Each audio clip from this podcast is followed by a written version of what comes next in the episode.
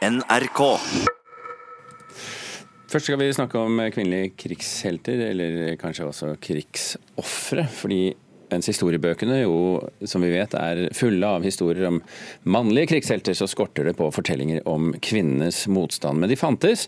Et eksempel det er en katolsk sykepleier som våren 1943 ble arrestert i Haugesund, og det gjorde hun man kan kalle det for uforsiktige uttalelser, men det var i hvert fall uttalelser som provoserte tyskerne i byen.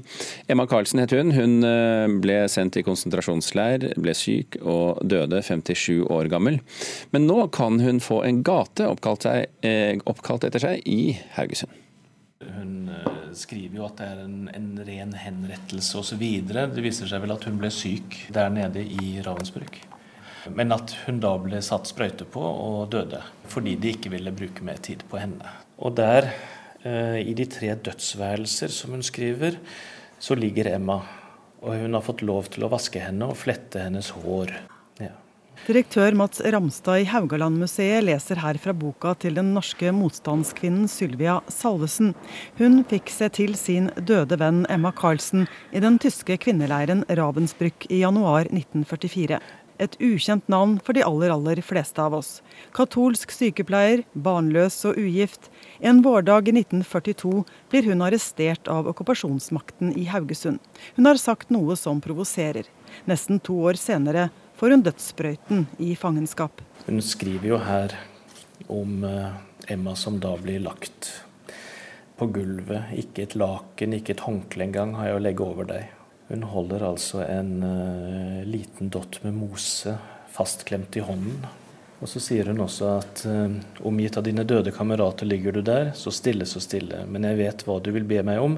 Verden skal få se deg som jeg ser deg nå, for at dette aldri, aldri må skje igjen. 75 år senere. Gravemaskiner holder på i byggefeltet i Skåredalen i Haugesund. Her kan Emma Karlsens gate komme hvis Ramstad og gatenavnkomiteen i byen får viljen sin. Ja, jeg kan jo håpe at det blir sånn. Uten tvil eh, en stram dame og klart blikk. Fotografiet i verket 'Våre falne' viser Emma med katolsk sykesøster-hodeplagg. Det er fangeprotokollen fra Grini. Ifølge 'Våre falne' ble Emma arrestert pga. uforsiktige uttalelser. Mer om årsaken vet man ikke, men Ramstad mener at hun likevel fortjener å hedres denne bestemte damen på nærmere 55 år, som Emma Karlsen var, hun må ha, ha vært en spesiell type, tenker jeg, som eh, kunne ha latt være å si noe som helst. Men hun gjorde det. Det er på tide at vi prøver å jobbe litt for å få fram kvinnenavn. Og at det skal òg vises i gatenavn i Haugesund. Sier Helga Hermansen, sekretær i gatenavnkomiteen i Haugesund. I byggefeltet finnes allerede gater oppkalt etter mannlige krigshelter. Nå er det på tide med en kvinne, mener de. Kvinnenes innsats under krigen har vært underkommunisert. Og nå når det var snakk om eh, gatenavnene i Haugesund, så så jeg også der at det var menn og menn og atter menn. Her har vi et eksempel på en eh, historie som virkelig ikke har blitt fortalt før. Jeg syns det er fantastisk flott. Ja. På generelt grunnlag så burde det jo vært flere kvinner gatenavn. Sier Mari Jonassen, historiker og sakprosaforfatter som holder på med et omfattende verk om kvinner i krig. I overkant av 100 norske kvinner ble sendt til kvinneleiren. De fleste fordi de kjempet mot nazismen politisk, men også noen av mer bagatellmessige grunner, sier Jonassen. Og hun mener også at Emma Karlsen fortjener en gate. Trenger jo ikke bare være helter. Hun gjorde jo et ganske stort offer og hadde jo en traumatiserende opplevelse av det å være i Ravensbrück. Det er litt symbolsk ved nettopp at denne Emma Karlsen er det virkelig ingen som husker. De navnløse heltene skal også ha sin, eh, sin gate. Så kan jeg fortelle at eh, Denne navnesaken den skal behandles i plan- og miljøutvalget i Haugesund eh, nå førstkommende torsdag. Reporter her det var Anette Johansen Espeland. Vi skal snakke om hjernen nå. Det er mange former for trening som er bra for hjernen. Både vanlig fysisk trening og oppgaver som f.eks. kryssord eller det å spille sjakk. Men så viser forskning at det også er noe helt annet som gir en svært positiv virkning på hjernen vår.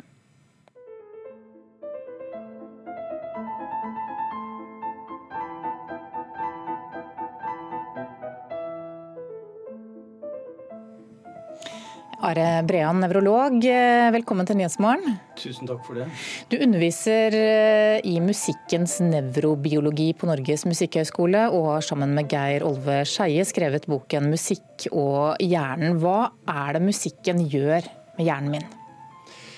Det som er så fascinerende når vi lytter til musikk, og dette kan vi jo se takket være de siste ja, kanskje 15 eh, årenes forskning Eh, på hva som skjer inni hjernen. For nå kan man nemlig ta bilde av hjernen mens den lytter til musikk. Og da ser vi at musikk aktiverer nesten hele hjernen. Store deler av hjernen lyser opp i aktivitet som et fyrverkeri når vi lytter til musikk. Og enda mer når vi utøver musikk, når vi spiller musikk. Og det er bra? De er veldig bra. Eh, på den måten skaper vi nye forbindelser. Vi styrker gamle forbindelser, og vi gjør hjernen vår mer kompleks, raskere og sterkere Så løse oppgaver, f.eks. Mange studier viser at barn som får musikkopplæring, gjør det bedre på skolen. De får bedre konsentrasjonsevne og en rekke gode effekter. Hva er grunnen til det? Hva vet dere om det? Det er fordi at musikken, eh, som nesten ingen annen menneskelig aktivitet, stimulerer hjernens såkalte nevroplastisitet, altså hjernens en, ev, det, endringsevne. Eh, hjernen blir mer og bedre i stand til å endre seg når vi eh, får musikkopplæring, og når vi lytter til musikk. Det er altså en måte å endre hjernen så den blir mer kompleks og robust på. Og Det er også nyttig hvis vi skulle være så uheldige å få hjernesykdom, demens f.eks. Så tyder mange studier på at det å ha en robust og kompleks hjerne som har drevet med musikk, kan være veldig gunstig. Noen studier viser bl.a. at musikere ser ut til å være mindre utsatt for demens enn andre mennesker. Kan vi utnytte, utnytte dette her også i behandlingen av folk med demens f.eks., eller, eh, eller eh, folk som har andre typer sykdommer? Det kan vi i høyeste grad. Uh, Musikk og musikkterapi blir nå stadig mer vanlig å bruke i en lang rekke sykdommer og skader som eh, rammer hjernen. Det brukes i behandling av eh, demens. Det kan selvsagt ikke kurere sykdommen, det er åpenbart, men det kan gjøre veldig mye for mennesker som har demens. Gi dem mye bedre livskvalitet, roe ned eh, uro og agitert atferd. Og det kan brukes også i behandlingen av så forskjellige tilstander som Parkinsons sykdom, som ADHD hos barn.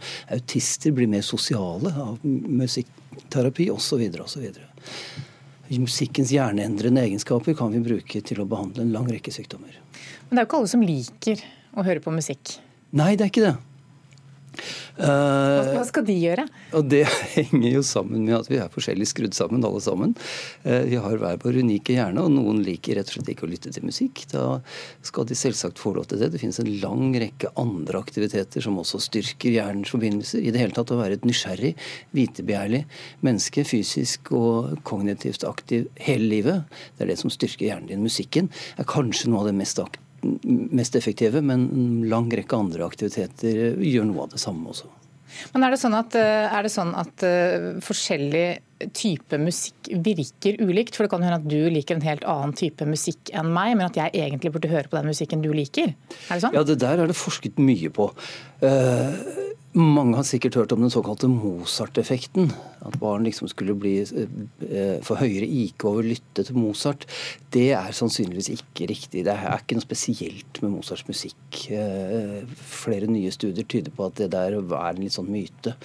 Eh, tvert imot viser det seg at å lytte til den musikken du liker aller best, det ser ut til å være mest effektivt for akkurat din hjerne.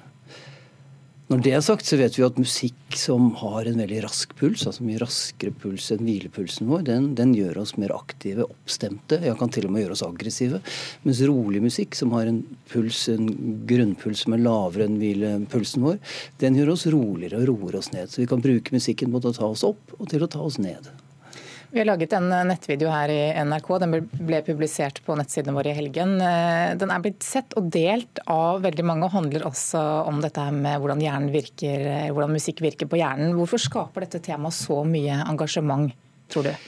Nei, når vi skrev denne boken da, som heter 'Musikk og hjerne', så, så, var jo den ment som en lærebok til våre studenter på henholdsvis Grieg Akademi og Musikkhøgskolen.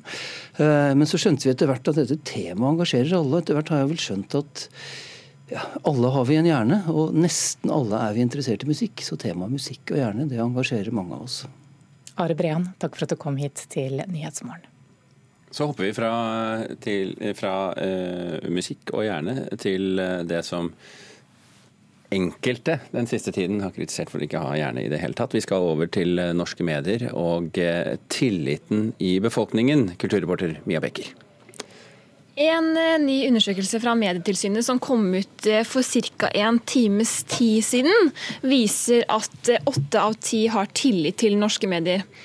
Og Det er jo viktig for at mediene skal kunne utfylle sin viktige samfunnsrolle. Det sier iallfall eh, direktør i Medietilsynet Mari Velsand. Mm, hvilke medier er det som scorer eh, høyest?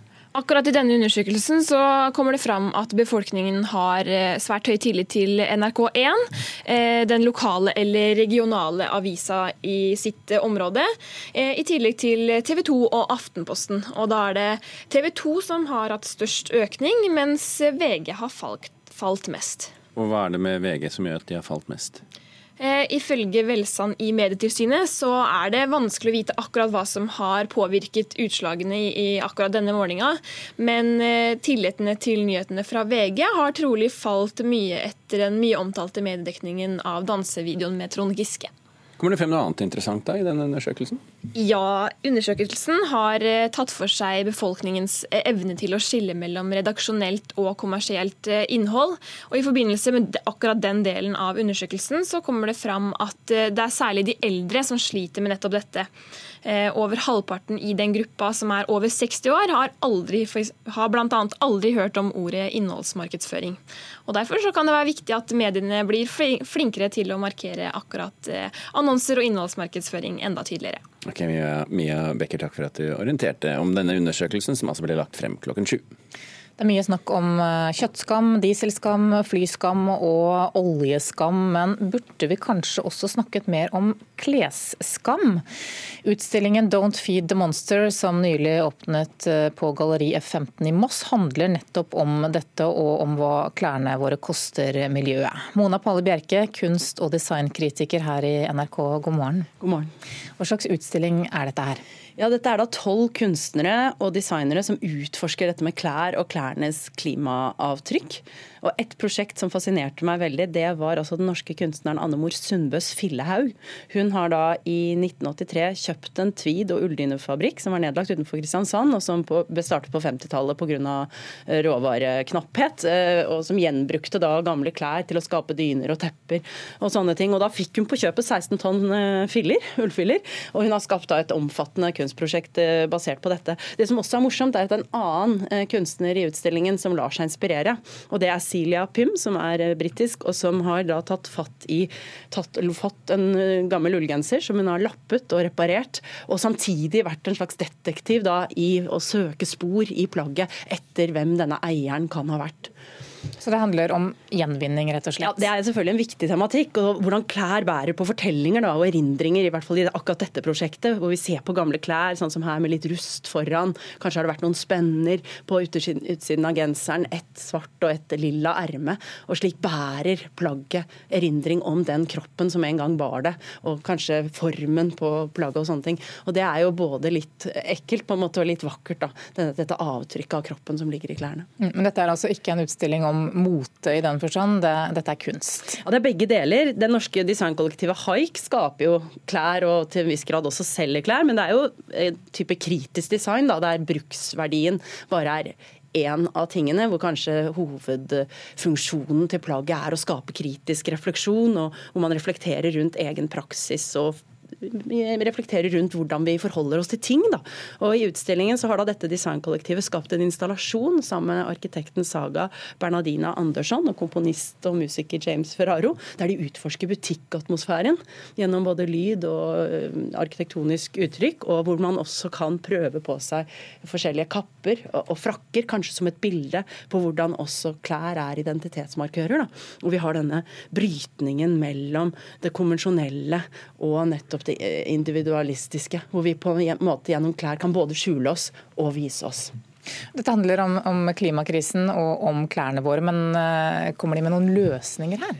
Eh, det Göteborg-baserte designkollektivet eller designduoen Atakak, som består av Rikard Lindqvist og Jimmy Hellberg, de er opptatt av de store problemene med overproduksjon. Så de har skapt en sånn slags eh, PlayStation-aktig spill i utstillingen for å vise hvordan man i den virtuelle verden med 3D-visualisering kan skape klær.